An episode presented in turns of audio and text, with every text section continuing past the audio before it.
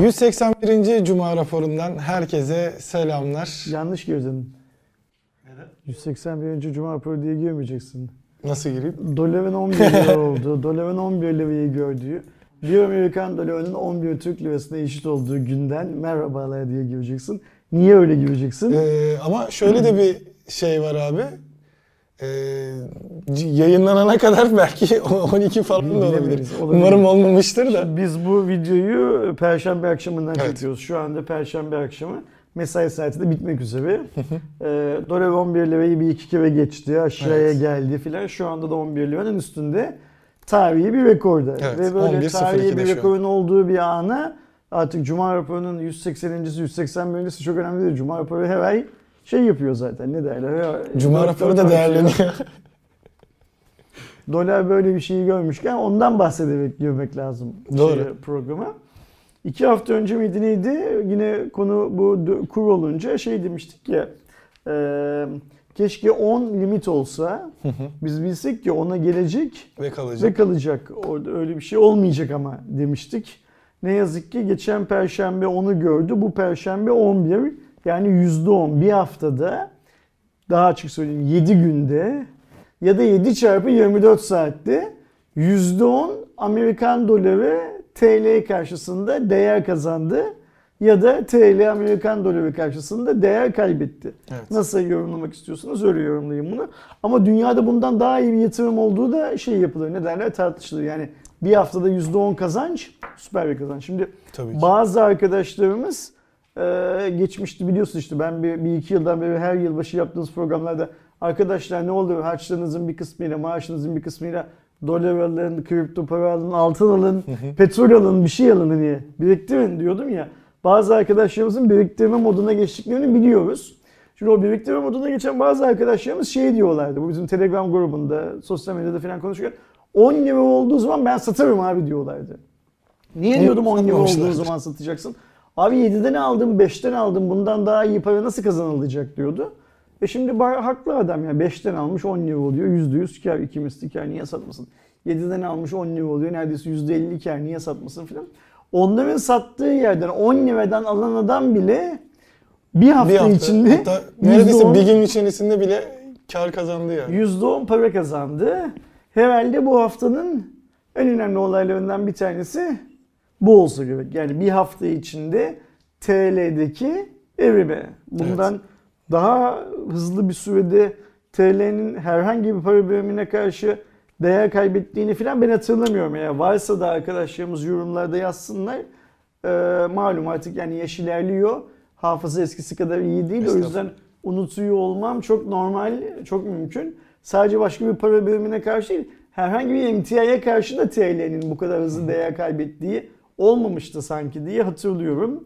Ee, eğer hani bu haftanın Cuma raporuna bir isim verecek olursak dolar 11 lira oldu ismini verebiliriz. Bu, bu manşeti Evet. atabiliriz Cuma raporunda. Şimdi e, niye bizi bu kadar çok ilgilendiriyor doların 11 lira olması? E, sonuçta her zaman söylediğim gibi Sayın Bakan maaşlarınızı dolarla mı alıyorsunuz dediği zaman haklıydı. Benim bildiğim kadarıyla sen maaşını dolarla almıyorsun. Yok. Ben de dolarla Varsa da haberim yani bildiğim kadarıyla diyorum şey anlamında. Ee, hani bazı markalar bazı tombiklerin cebine düzenli para koyuyorlar ya belki onlar senin de cebine belki para koyan birisi vardı beni dolar Ha, koyuyordur yok. mesela. Daha o kadar bir cömert marka görmedim. ben. Öyle mi? Okey tamam. Ee, işin şey esprisi bir yana e, Sayın Bakan haklı yani biz maaşlarımızı dolarla almadığımız için doların yükselmesi alçalmasından bize ne aslında. Ama şöyle bir şey var işte e, markete gidip bu laptopu şu cep telefonunu bizi çeken şu kamerayı arkadaki televizyonu falan aldığımız zaman ya da almaya mail ettiğimiz zaman onları dolarla alıyoruz işte. Yani Sayın Bakan'ın gözden kaçırdığı şey oydu o zaman. Yo diyecek bazı arkadaşlar. Ben gittim baktım TL ile satılıyor.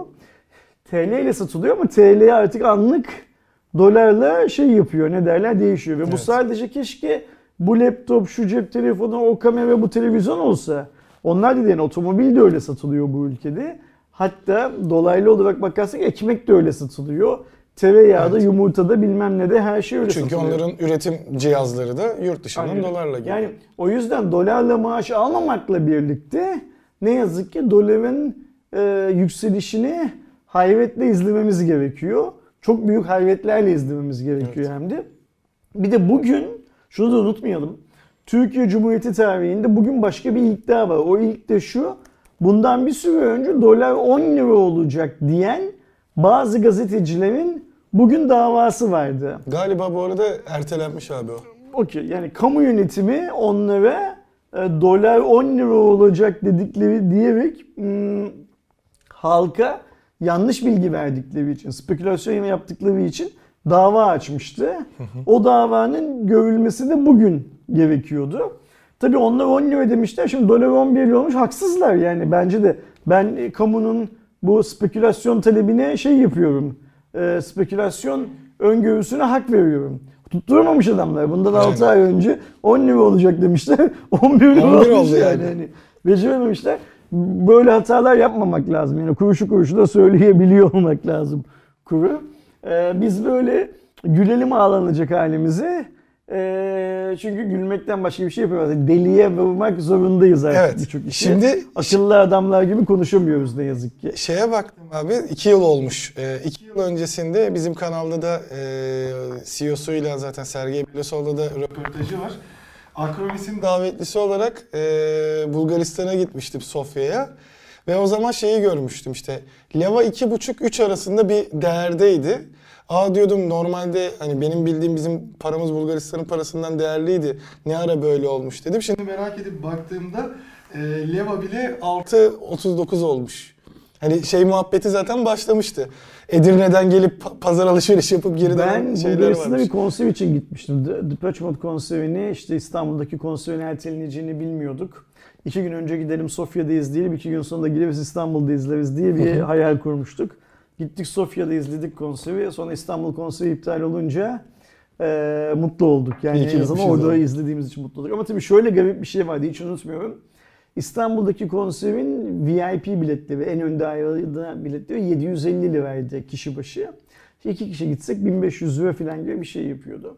Biz 2000 lira, 2200 lira falan gibi bir parayı TL bazında harcayarak Sofya'ya gittik. E, otobüste gittik bu arada Sofya'ya. İki gece otelde kaldık. Konseri en önden izledik. Gerçekten en önden izledik. Ee, yani şurada söylüyordu Dave öyle söyleyeyim şey olarak. Döndük geldik üstüne. Ee, o kadar ucuzdu Bulgaristan.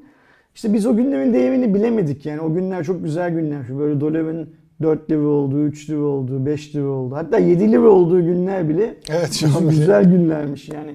Değerini bilemedik. Şimdi dolar oldu 11 lira. Ve yine aynı şeyi söyleyelim.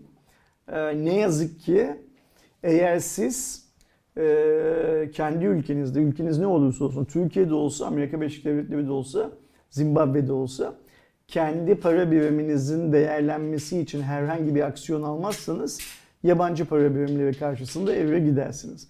Ve bizim gördüğümüz kadarıyla e, Türkiye Cumhuriyeti hükümeti TL'nin değerlenmesi adına hiçbir şey yapmaktan yana değil. Yani aslında bu senin benim konuştuğumuz her şey pahalanıyor filan durumundan herhalde yöneticilerimiz senin benim kadar rahatsız değiller bu durumda Galiba. herhangi bir şey yapmaktan yana değiller.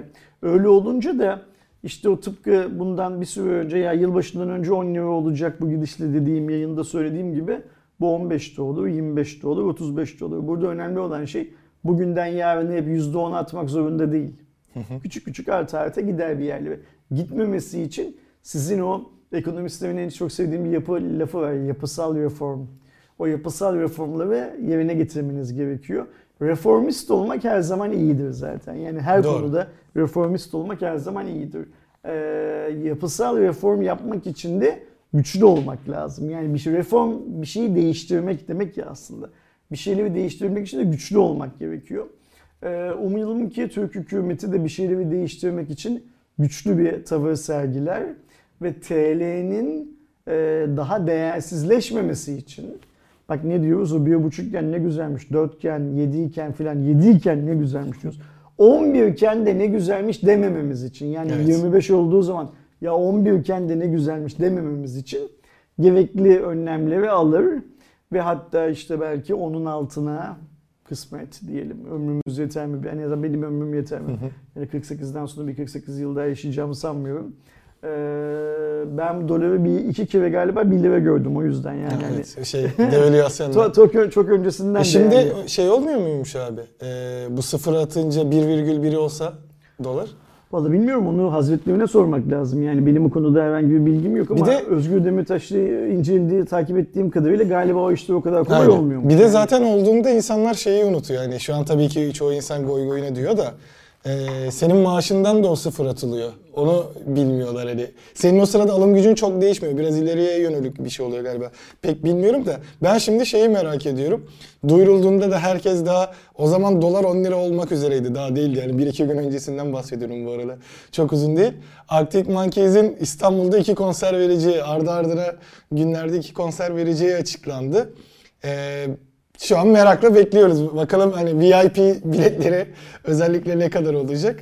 Nisan ayındaydı yanlış hatırlamıyorsam konser. Şimdi yurt dışında, yurt dışı dediğim işte böyle Almanya'da, İngiltere'de, Amerika'da filan bir konser ortalama 350 o ülke parası filan yapıyor. Yani Amerika'da 350 Amerika'da dolar. şeye baktığımda e, kaçtı? 200 ile 64 dolar arasında. Tabii şeye göre mesela New York'ta daha pahalı ama farklı yerlerde. Şeye göre de tabii konser alanına göre de Tabii ki. değişiyor bu. E, sonuçta Ee, oranın yereli. Almanya'da kışları e, stadyum konseri pek mümkün olmadığı için daha küçük mekanlarda olduğu için fiyatlar biraz daha yukarıya çıkıyor filan. İşte yani 200 dolardan hesapla. Aynen. E, kaba taslak. İşte TL ne yapıyor? 200 lira ve 11 ile çarptığın zaman 2200 lira mı yapıyor? Evet.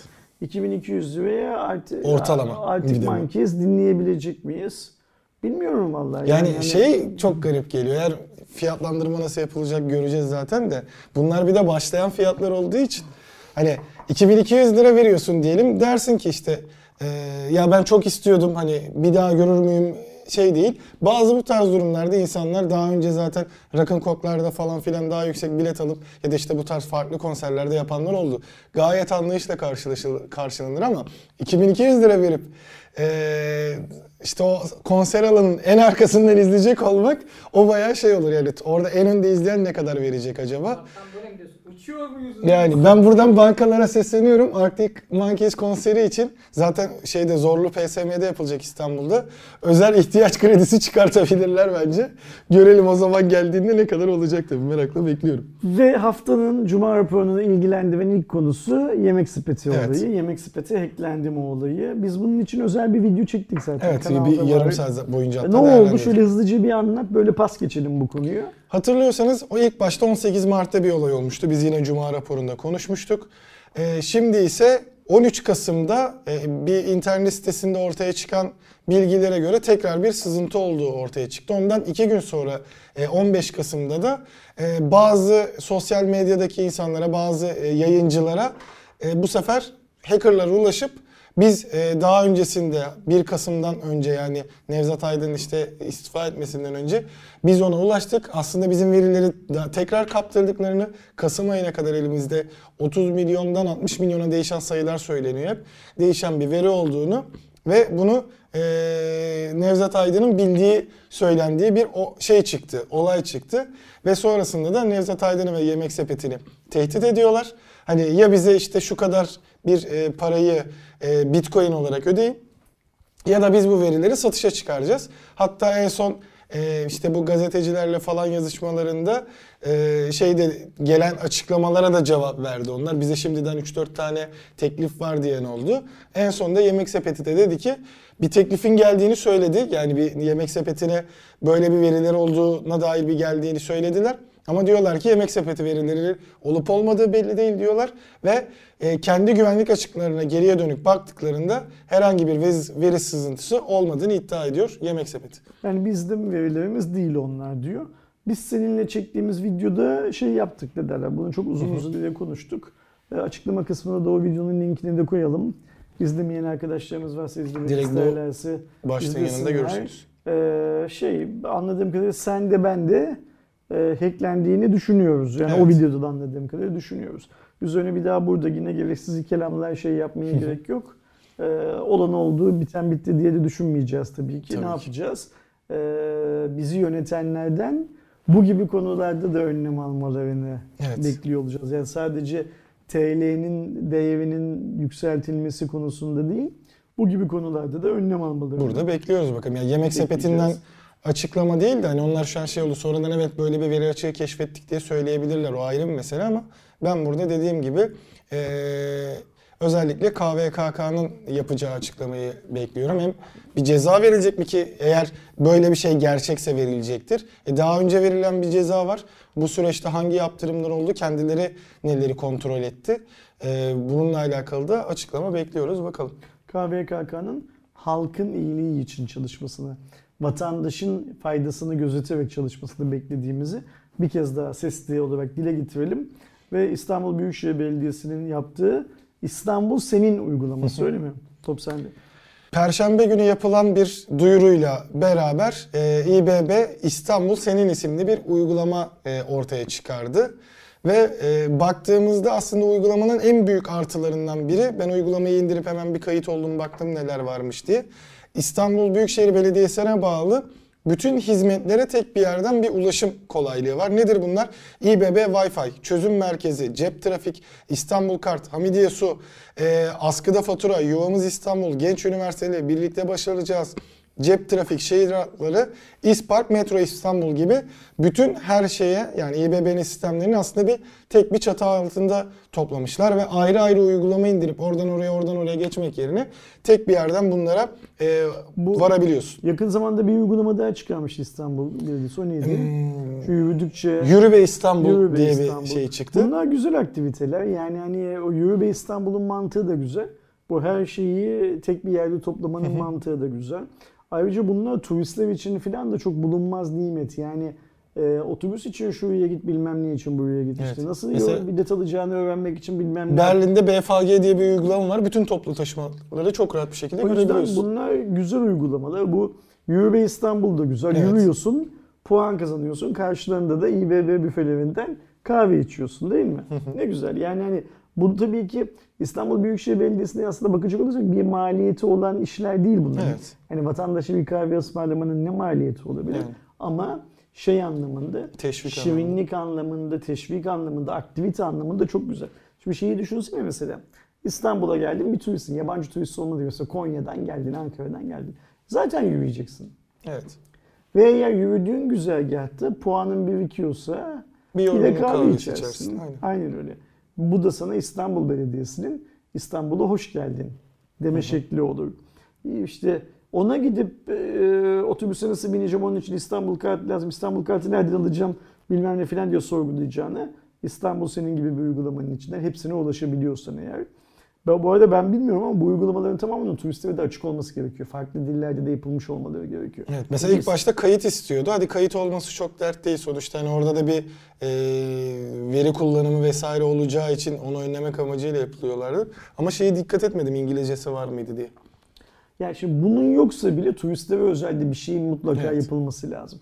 İstanbul çünkü dünyanın her yerinden ziyaretçi alan bir şey ne derler e, şehir ve sadece İngilizcesi de yetmez. Yani bunun birçok dildeki versiyonlarının çıkması lazım. Güzel hizmetler bunlar.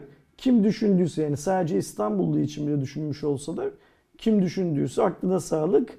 Burada şeyi de düşünmek lazım. Yani vatandaş olarak bizim bir de işin o tarafına bakmamız lazım. Bunu yapmak çok atla deve bir şey değil. Bugüne kadar niye yapılmadı? Evet. Mesela bunu Çok da şey, şey yapmak lazım, düşünmek lazım.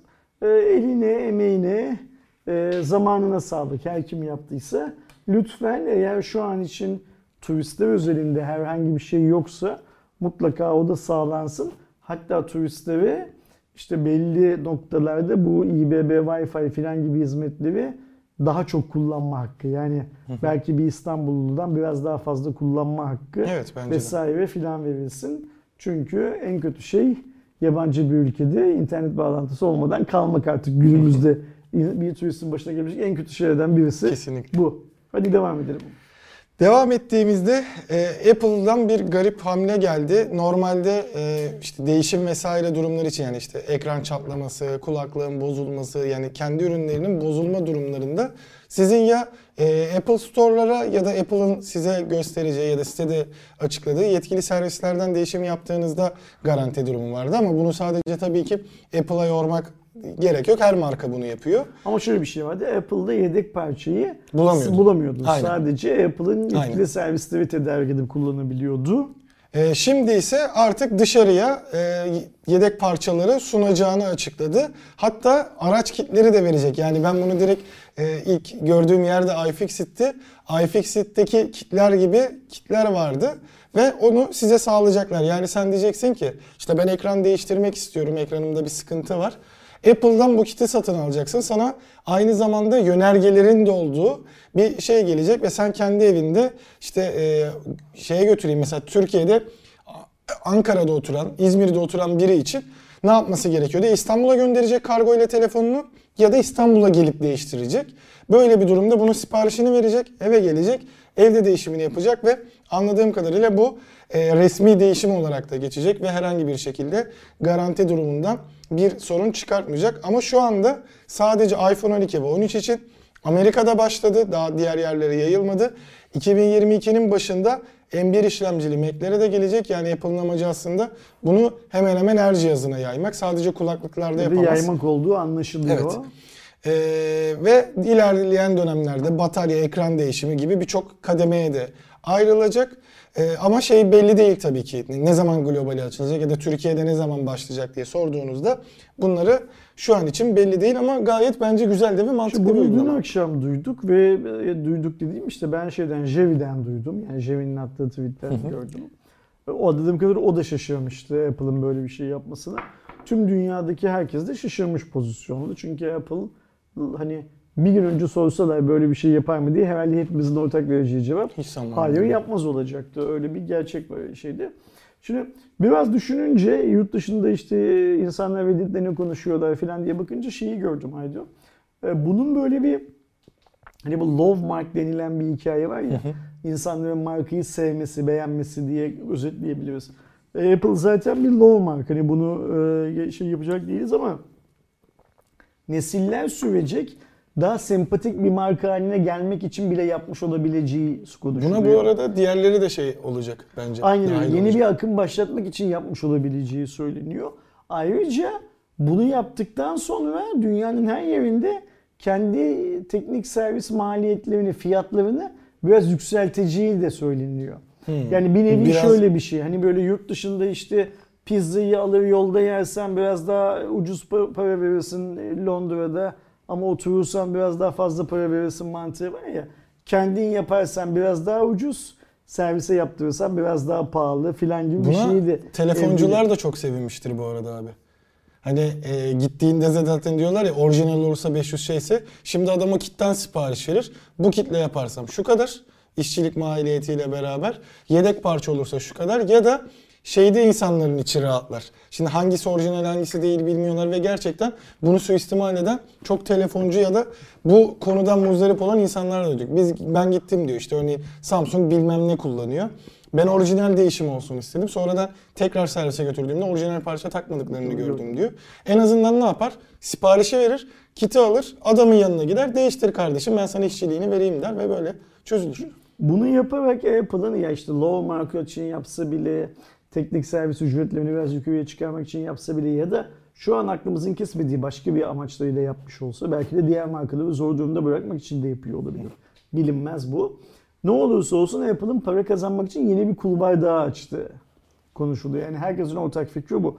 Bugüne kadar sadece ürün satarken şimdi yedek parça satar hale Evet. de geliyor ve e, belki de m, birçok insan işte benim iPhone bilmem kaçım bozuldu diye kenara koyduğu cihazları bundan sonra kenara koymayacak sırf belki hobi uğruna ben mesela şunun camını değiştirebilecek miyim? Evet. Ya da değiştireyim de anneme vereyim bilmem ne yapayım filan gibi Kesinlikle. hikayelerden. Oradan da böyle bir e, ölü duran yerden e, para kazanmanın yollarını arayacak deniliyor. Bence bunların hepsi olabilir ama en sonunda geldiğim nokta şu ki Apple güzel bir iş yapıyor. Evet. Yani mesela bu fikir güzel bir fikir.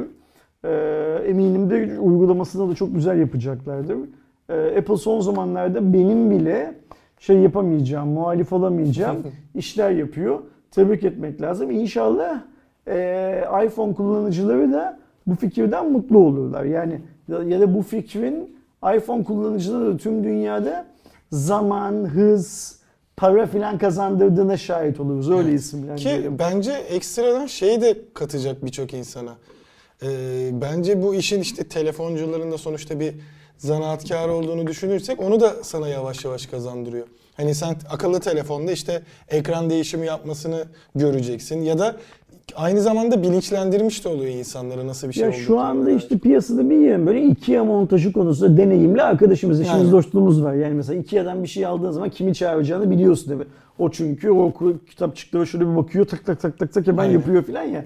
Şimdi mesela işte yine eşin dostun arasında böyle iyice ekran değiştiren, iyi pil değiştiren, işlemci değişimi bile yapabiliyorum filan diyen, laptop, cep telefonu fark etmez filan tipler türeyecek. Aynen. Zaten bu low mark hikayesine de buna bağdaştı, bağlıyorlar. Yani bugüne kadar insanlar sadece seviyordu ürünü.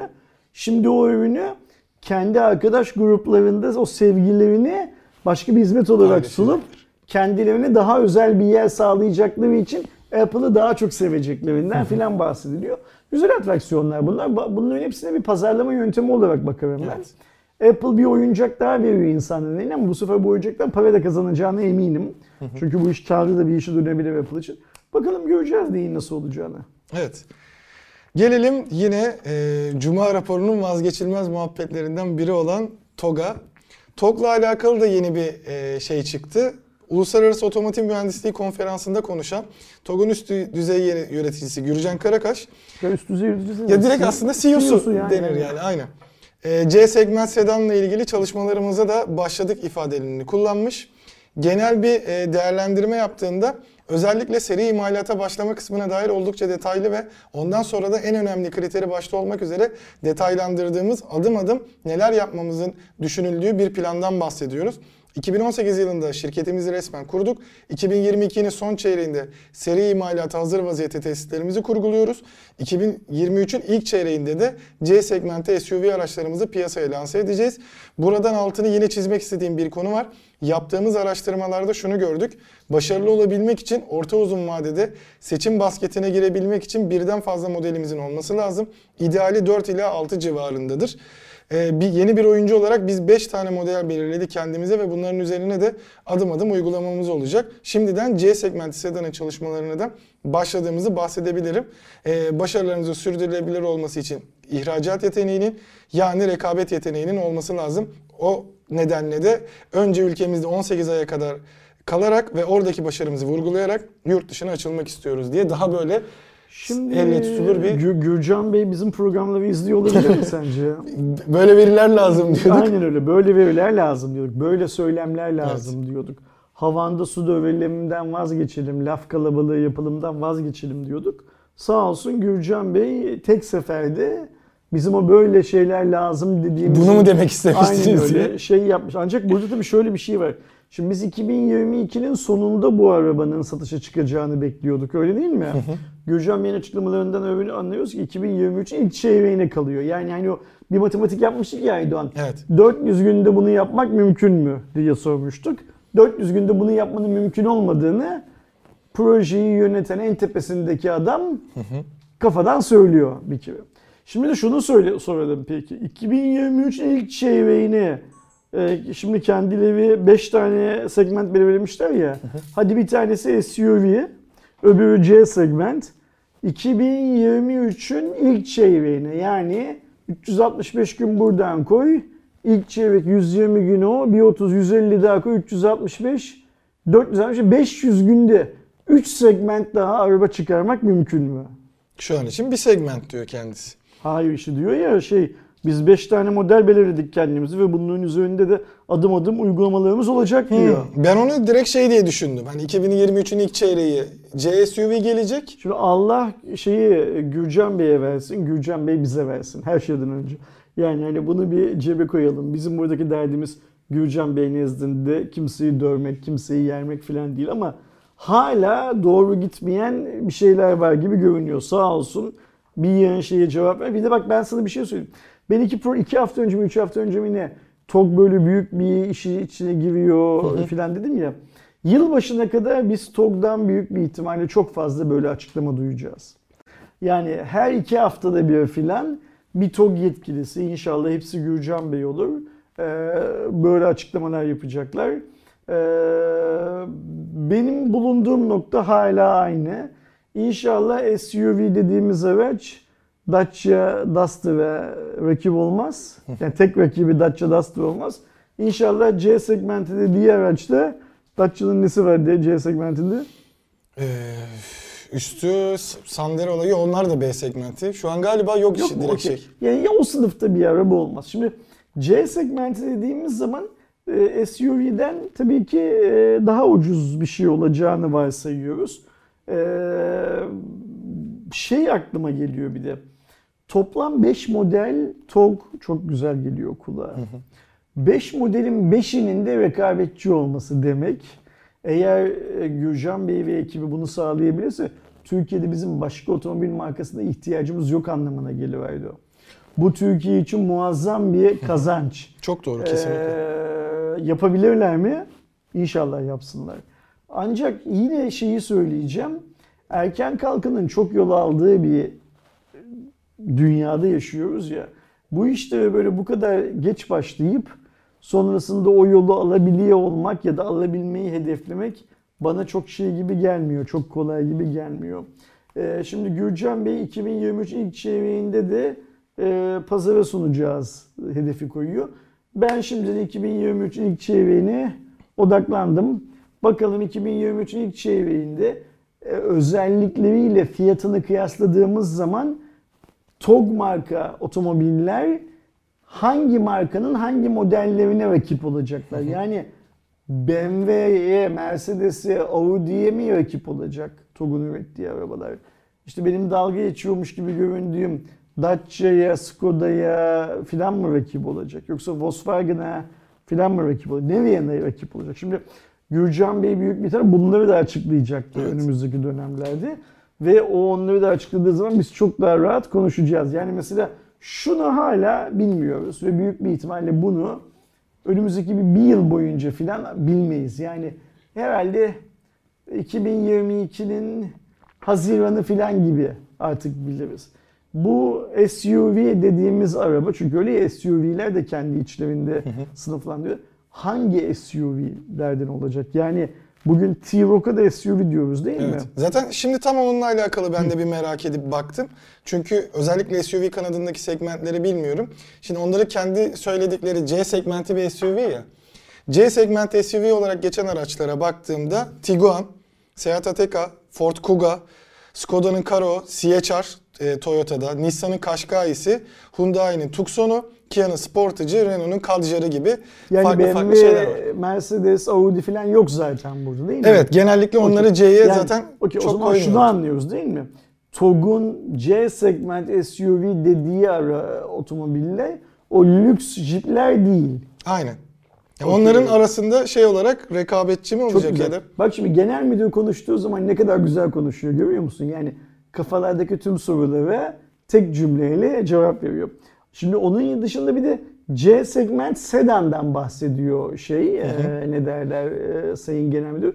C segment sedanla nelerimiz var bizim rakip olarak? Ee, C segment sedanlarda direkt şeyler oluyor. İşte e, Honda'nın Civic'i. Yine e, diğerlerinde baktığımda Dur sen bakma. Mercedes'in C seviyesi orada mı? teknik olarak uyuyordu aslında. Evet Öyle orada mi? AA, BB. Okey peki BMW ile kıyaslasak B, BMW 5 orada mı? Ee, 3 girer 3 C'ye. giriyor orada. Okey tamam. Audi'de Ee, A, A3'ler falan girer A3'ler galiba. girer mi C, o, o segmente? Tam orası olması lazım. Dediğim gibi çok şey otomobil şey Şimdi için. neyle neyi kıyaslayacağımızı bilelim de iki gün sonra araba çıktığı zaman yanlış kıyaslamayalım diye bunda bir şey yapıyorum Evet. söylüyorum. Yani bugün ben fiyatlardan çok haberdar değilim ama bugün dediğim işte bir iki ay önce filan e, eğer bir tane hmm, BMW 3 almak isterseniz ortalama 700 milyar liraya filan alıyordunuz. Herhalde şu anki fiyatı 1 trilyona yaklaşmıştır sırf kuru farkı yüzünden. E, eğer TOG'un C segment sedanı ee, sen dedin ya BMW 3'le 5 değildi 3'tü o dedin. 3 konforu, 3 sürüş hazzı verecekse ve o BMW bunu 1 milyar liraya satar, 1 trilyon liraya satarken TOG da 500 bin liraya satacaksa o zaman Türk zaman evet, halkı işler daha ne ister zaten? Şey Yine anlamda. bu arada e, GLA, Q3 ve şey e, X1 C segmentinin premium SUV'leri. Yanında bir premium takısı olan bir SUV'si olarak Okey geçiyormuş. gömeyelim onları. Sen, sen işte kadrajı falan saydın zaten. Yani orada kalsın. Çünkü zaten rekabetçi diyor hani oraya hiç şeye girmemesi lazım. Ha şu var belki de Q3'ü X1'e rakip arabayı kadraj fiyatına ver, verecek e, Sayın Genel Müdür. Eğer öyle bir şey yaparsa... Rekabetçi fiyat bir- diyorlar, bir- rekabetçi yok, ürün diyorlar. Rekabetçi fiyat. Türkiye'de rekabetçi olmak başka bir hikaye. Kendisi bir de ne diyor? Biz diyor ilk önce diyor ilk 18 ay başarımızı Türkiye'de perçinledikten sonra yurt dışına da açılacağız diyor ya. Türkiye'de rekabetçi olduğun zaman içinde o neredeyse bire birden biraz daha fazla vergiler olan fiyatla rekabetçisin. Yurt dışındaysa o verginin olmadığı bir formda Orada rekabetçisin çok daha ya. rekabetçi Ha, olabilirsin. o yüzden işte belki de diyorum o yüzden Say- Sayın Genel Müdür Gürcan Bey bize kadrajla rekabet eden bir fiyata X1 konforunda, X1 lezzetinde bir Evet. şey sunacak. Yani bilmiyorum ya da ne dedin Q3 mü dedin? Aynen. Q3 formunda bir araç sunacak. E tadından yenmez. Yani bak Tabii ki. genel müdür konuşsa böyle yani hiç böyle şey yapacaklarına, alakasız insanların e, TOG'la ilgili açıklamalar yapmasına ya da no name açıklamalar yapılmasına neden olacağına ya da öyle bayramlıkları giyip arabanın yanında o araba olup olmayacağı bile belli olmayan arabanın yanında fotoğraf çektireceklerini Gürcan Bey bence her iki haftada bir falan ne durumda olduğunu açık olduklarını açıklasınlar. Çünkü bu açıklamalar geldikçe biz vatandaş olarak ya da şöyle söyleyeyim sokaktaki insanlar vatandaş olarak biz de konuyla ilgilenen yayıncılar olarak daha çok bilgi sahibi olacağız. Evet. Bilginin olduğu yerde hurafeye, yalana, dolana yer kalmaz zaten. Çok doğru. Sen bilgiyi pazara vermezsen o zaman hurafeler, yalanlar, dolanlar pazarda e, at koşturmaya başlar. TOG gibi ülkemizin çok önemli bir projesinde de hiçbirimiz tabii ki yalanları, dolanları duymak istemeyiz. Birinci ağızdan Gürcan Bey keşke şey yapıyor olsa, e, düzenli olarak bu açıklamaları yapıyor olsa. Ayrıca keşke Gürcan Bey bizim gibi tamamen özgür ve bağımsız yayıncıların kendisiyle görüşme taleplerini de keşke kabul etse ve e, biz ona sorsak aynen burada yaptığımız gibi mesela şu 2023 ilk çeyreği diyorsun da nasıl olacak toplam 5 model bir anlatsana diyebilsek iş o kıvama da gelir. Yani biraz böyle yerleşsin, şekillensin. Çünkü bak mesela şeyi görecekler. Sırf kendi adamlarına konuşarak uçuyoruz kaçıyoruzlarla bu yolu alamayacaklarını, çok fazla e, şey yaratamayacaklarını görecekler. Ve ister istemez özgür ve bağımsız yayıncıların da elini sıkmaya, merhaba hoş geldiniz demeye, buyurun gelin demeye başlayacaklar. O günler geldiğinde daha rahat şey yaparız. Ee, ne derler? TOG'la ilgili daha doğru bilgileri doğrudan patronun ağzından hiç öyle şey falan değil. TOG üst düzey yöneticisi falan değil. Doğrudan patronun ağzından e, izleyenlerimizle biz de paylaşırız. Umarız. Gelelim e, Leica'nın yeni ortağına. Biliyorsunuz e, özellikle Huawei ile beraber Leica gerçekten fotoğraf yani mobil fotoğrafçılık konusunda son dönemde de videoda çok iyi işler çıkarmaya başlamıştı. Ama Leica bir efsane evet zaten. Yani. zaten kendisi ayrı bir efsane ve e, Huawei ile beraber yaptıkları o ortaklıkta da ilki galiba Mate 9'da mı P9'da mı ne başlamıştı? Daha erken de olabilir yanlış hatırlıyor olabilirim. Ee, ne kadar iyiye gidebildiğini de göstermişti. Yani mobilde de neler yapabileceğini göstermişti. Hatta diğer markalara da orada örnek olmuştu. Diğerleri de farklı e, markalarla ortaklık işbirliği falan yapmaya başlamıştı. Burada ise e, biz zaten P50'den sonra ne oldu ne bitti diye merak ediyorduk. Özellikle Sharp'la beraber ürettiği Light Phone 1 isminde Leica'nın kendi bir telefonu vardı. E, bunlar Huawei'den ayrıldı mı ya da birden fazla markayla mı çalışacak e, Leica derken Nova 9 çıktı ve Nova 9'da herhangi bir Leica imzası göremedik. Ha normalde evet biz P serisinde ya da Mate serisinde görüyoruz. Ama e, firmanın da Nova 9'a verdiği ilgiyi gördüğümüzde Nova 9 da üst seviye bir cihazken bu durum yoktu. Meğersek ki hala resmi bir açıklama olmamasına rağmen yurt dışındaki bu bilgiyi veren birçok kaynak diyor ki P50 Leica ile Huawei ortaklığının son ürünüydü ve devamı gelmiyor. Ve Leica'da Şimdi farklı bunu- markalarla bunu- çalışacak. Bunu söylemek için ya iki taraftan birisi de resmi açıklama yapmış olması lazım ya da P50'den sonraki üst segment Huawei cihazın çıkması ve bizim orada Leica'yı görmememiz lazım. O güne kadar Bu ihtimal ya sadece. evet. da öyle değilse iyi de düşünmek lazım. Ee, bir diğer yandan zaten söylentiler hep vardı işte Sharp'tan sonra "Aa, Sharp'ta mı Leica ile çalışacak. Bir ara Honor için çok konuşuluyordu. Ayrı bir marka olarak da Leica ile çalışmak isteyecekler vesaire diye. Ee, bir şeyde de şu anda son dönemde özellikle Çin'in o sosyal medyası, büyük sosyal medyası Reddit'i diyebileceğimiz Weibo'da ortaya çıkan şeylerde Mi, daha artık Mi demeyelim, Xiaomi 12 serisiyle yani önümüzdeki senenin Amiral Gemisi serisiyle beraber e, Leica ile Xiaomi'nin çalışacağı ve özellikle 12 Ultra'sında yani Türkiye'de görmediğimiz ama dünyanın da belli yerlerinde çıkan Ultra'da da bayağı bir farklı bir e, anlaşma göreceğimiz. Yani hatta bazı söylentiler şey de diyor o kadar olur mu bilmiyorum. Sensörler normalde biliyorsunuz çoğu Sony'dir. Bu tarz ortaklıklarda markalar sensörü kendilerine göre optimize ederler. Direkt Leica sensör olacak söylentisi de var 12 Ultra için. Ben e, bu olabilir tabii olabilir bir şey. Xiaomi'nin bunu yapacak finansal gücü Evet. var. E, Leica eğer şey Huawei ile yani bir cep telefonu markasıyla çalışmaktan memnunsa, Huawei ile de çalışamıyorsa o zaman başka bir markayla çalışmak isteyecektir. Bu da çok normal. Tabii ki. Ama ben e, Leica'nın e, belki sadece tek bir markaya bağlı kalmayacağını da düşünenlerdenim. yani aynı zamanda e, atıyorum Xiaomi ile birlikte başka bir markaya daha tedarikçi olabilir gibime geliyor. Yani şeyde görüyoruz işte örneğin Zeiss örneğinde baktığımızda e, Sony'ye destek veriyor. E, Nokia ile çalıştığı çok oldu. Şimdi e, Vivo ile çalışıyor vesaire gibi durumları gördüğümüzde e, bana da şey gelmiyor, garip İşte gelmiyor ama unutmamak lazım. Tek başına Leica çok fazla bir şey ifade etmiyor. Leica çok önemli ama onun yazılımı da çok çok önemli. evet. Ve mesela bu Leica Huawei birleşmesinin ilk günlerindeki mühendislerin anılarını okuduğunuz zaman röportajlarda ilk çıkan ürün fecaat yani onu piyasaya çıkarmamak için kendilerini yırtıyor adamlar. Ee, çünkü şey kamerası çok kötü. Sonra ne yapıyorlar? Ee, bir tane Avrupa'da, bir tane Çin'de e, Leica mühendisleriyle Huawei yazılımcılarının ortaklaşa çalışacağı laboratuvarlar kuruyorlar. Ve iş ondan sonra senkronize bir şekilde daha iyi bir hal alıyor. Ee, şimdi e, Leica'nın şeyiyle alakalı bir derdimiz yok. Mercekleriyle alakalı bir derdimiz yok. Ama şunu da unutmamak lazım. Leica kendi ürettiği fotoğraf makinelerinde cam mercekler kullanırken bütün cep telefonu üreticilerinde, şey, cep telefonuyla çalışan mercek tasarımcılarında olduğu gibi bu tarafta e, cam değil de plastikten kesme, dersi- işte zenginleştirilmiş plastikten kesme bilmem ne filan gibi dertler var. Niye? Birincisi cep telefonu elden daha çok düşürülen bir şey. Kırılmasın, ağır olmasın, pahalı olmasın filan gibi nedenlerle.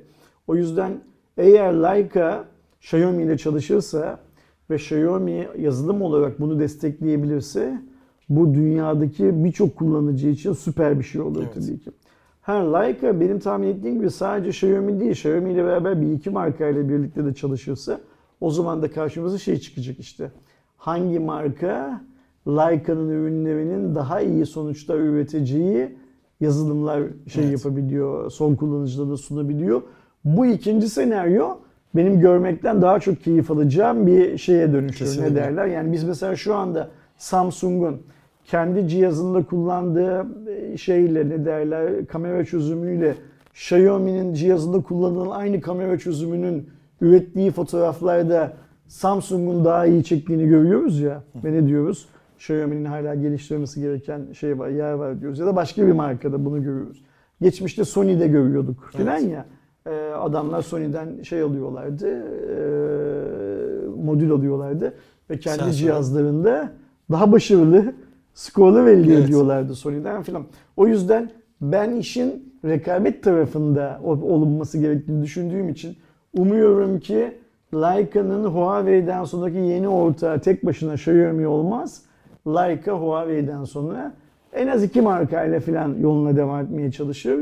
Hatta Huawei'de eğer Huawei Çin'de filan bir P60 bilmem ne filan çıkartacaksa lens anlamında desteklemeye devam eder. Sadece Çin'de bile olsa lens anlamında desteklemeye devam eder. Benim gönlümden geçen budur. Onu zaten göreceğiz. Özellikle dediğin gibi abi son dönemde Xiaomi kamera olarak kendini çok geliştirmeye başladı. Ee, hatta geçtiğimiz gün şeyde e, ofiste konuşuyorduk bu yine Google e, fotoğraf şey hikayesini. Artık gerek kalmamaya başladı. Bize de Gcam. soru gelmiyor. Ha, Gcam e, muhabbeti. Yeni cihazlarda mesela ne 11T için ne işte Mi 11 Lite Kurayım ailesi mı? için. Hani Sorusu nasıl gelmiyor. aynen nasıl kurulur ya da fark var mı falan bile diye soran kalmadı. Çünkü Xiaomi toparladı. Tam bu toparlama evresinde bir de üzerine Leica eklenirse Xiaomi Tadından gerçekten yenmez. e, kendi o fiyat politikasıyla beraber tabi hangi cihazlarına da sunacağı önemli. Şimdi 12 serisinde gelecek mesela e, en son ne dediler? T serisi de bizim için amiral gemisidir. Yani 12 Lite'da olursa diyorsun güzel olur. Aslında söylemeye T çalıştığım serisinde şey de olsa mükemmel olur. Onları zaten ilerleyen dönemlerde göreceğiz. Bakalım e, nasıl bir sonuç ortaya çıkacak şu anda çünkü söylenti ama e, sayıları bayağı arttı. Bir diğer yandan e, merak edilen cihazlardan biri de tabii ki S21 Fan Edition ya da doğru söylemek gerekirse Fan Edition diyelim. E, zaten ha geliyor geldi hatta S22'den önce gelecek falan derken şu anda zaten artık e, basın görselleri de ortaya çıktı.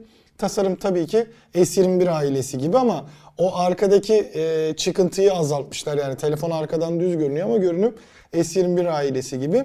Ortaya çıkan detaylarda ki en son artık e, tam bu e, içeriği hazırlarken, yani notlarımı alırken birçok insan artık elini alıp da şeyi de görmeye başlamış mühendislik örneklerini.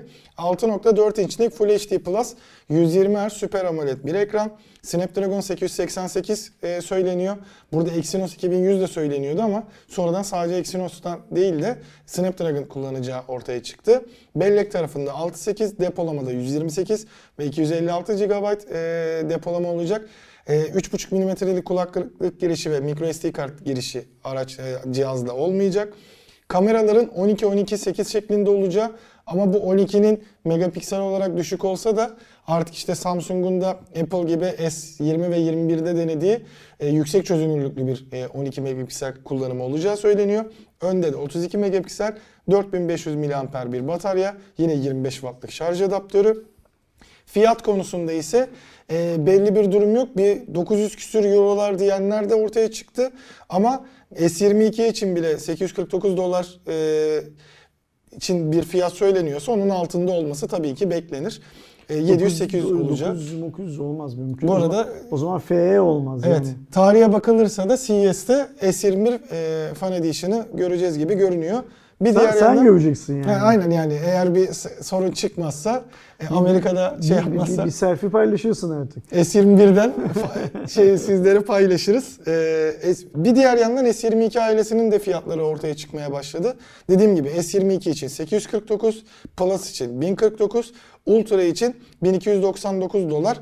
Bu yaklaşık S21 ailesine göre 100 dolar zamlanma demek.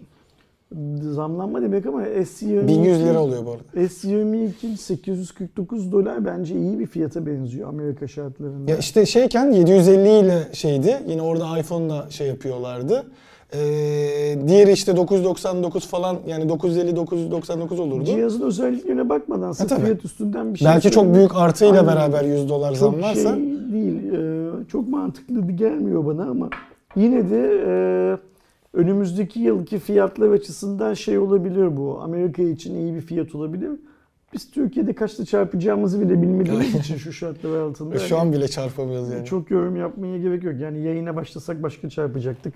Aynen. Yayını izlerken Bu video yayınlandığında zaten farklı çarpmamız gerekecek. Aynen. Oha siz öyle demişsiniz ama şey oldu diyenler çıkacak falan. Hiç gerek yok. O yüzden eee, son haberimize geçiyorum. Cumhurbaşkanlığı Dijital Dönüşüm Ofisi'nden teknoloji kullanım tavsiyesi diye bir şey çıktı. Bu arada şöyle bir detaydan da bahsedeyim. Ben direkt eee, şeye de baktığımda yani dijital dönüşüm ofisine baktığımda böyle bir haber ya da paylaşım yok. Ee, ama Türkiye'deki birçok işte e, gazete sayfalarında bu yayınlandı. Hatta galiba ilk Türkiye gazetesinden mi ya da Cumhuriyet'ten mi ikisinden birinden Türkiye'den olması lazım çıkmış. Veri şu 2020 yılında 16-74 yaş aralığında internet kullanımının %79'a e, çıktığı belirtilmiş bu e, ofisin paylaştığı verilerde. Vatandaşlara da bu teknoloji kullanımının sınırlandırılması gerektiği e, uygulaması verilmiş ve 2 4 adet de şey var. e, öneri var. Öneriler de şu şekilde. Bilgisayar, tablet ya da telefon gibi teknolojik cihazların ek- ekran kullanım sürelerini takip edin. Aileniz ya da arkadaşlarınızla vakit geçirdiğiniz zamanlarda dijital cihazları acil durumlar dışında kullanmayın. Çalışacağınız dönemi ve boş zamanlarınızı iyi değerlendirin. Belirlediğiniz boş zaman dilimi içerisinde teknolojik cihazları eğlenmek için kullanın. Dijital oyunlarda, internet ya da sosyal medya platformlarında ne kadar zaman geçirdiğinizi takip edin. Aşırıya kaçmamak için kendinizi sınırlandırın diye bir böyle bir öneri listesi gelmiş. İnşallah bu öneriler yeterince insana ulaşır, yeterince insan bunu dikkate alır ve uygulayıp uygulamayacağına karar verir. Herkes herkese bir şeyler öneriyor zaten günümüzde. Sosyal medya sanki öneri şeyi için var. O yüzden geçelim o habere. Sen son haber dedin değil mi? Ben Evet. kapatmadan önce bir de şu şeyden bahsetmek istiyorum. Biz biliyorsunuz e, Qualcomm'un ürettiği işlemcilerin, Snapdragon işlemcilerin isimlendirmelerini başarılı buluyorduk. İyi dediğimiz 3 gün yaşamıyor. Qualcomm'da Snapdragon işlemcilerindeki isimlendirmeleri değiştirmeyi planlıyormuş. Sızan Evet. haberler böyle. Şimdi 5G'ye geçtiğimiz dönemde 5G'li işlemcilerle eskileri ayırmak için bir isimlendirme formülü düşünüyor olmaları çok normal. Ama Qualcomm'un o bizim beğendiğimiz formda da bazı başka sorunlar vardı. Onu da hatırlatmak lazım. Mesela neydi o?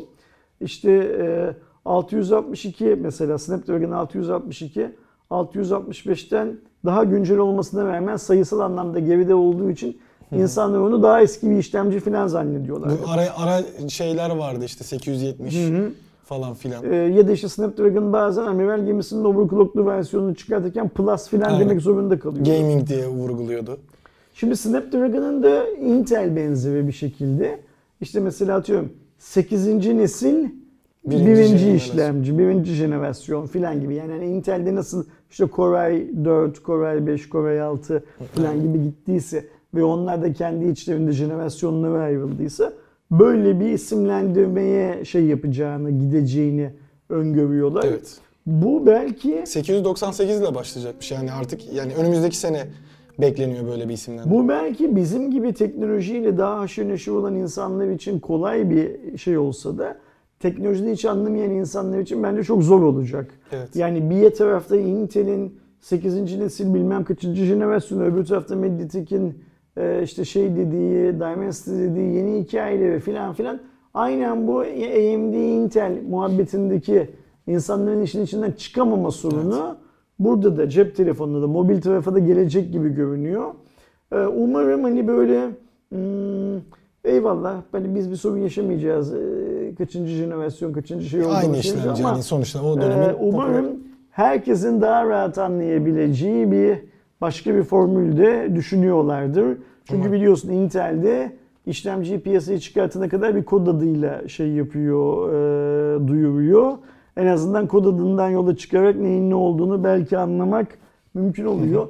Bana şey mesela Snapdragon 898 yerine Snapdragon 8. jenerasyon birinci işlemci demek çok daha şey geliyor, alengirli geliyor açıkça söylemek gerekirse. Snapdragon 8 Gen 1 bir de şöyle bir şey düşünüyorum hani şey konusunda anlarım büyük ihtimalle Qualcomm tarafı şey diyordur hani 9'a geldik artık hani 8000 mi yapalım falan diye soruyor olabilirler hani kendi kafalarında. Ama şimdi e, her kademede bir tane işlemci olsa yani Snapdragon 8 Gen 1 tamam anladık ki 700 serisi de Snapdragon 7 Gen 1 olacak.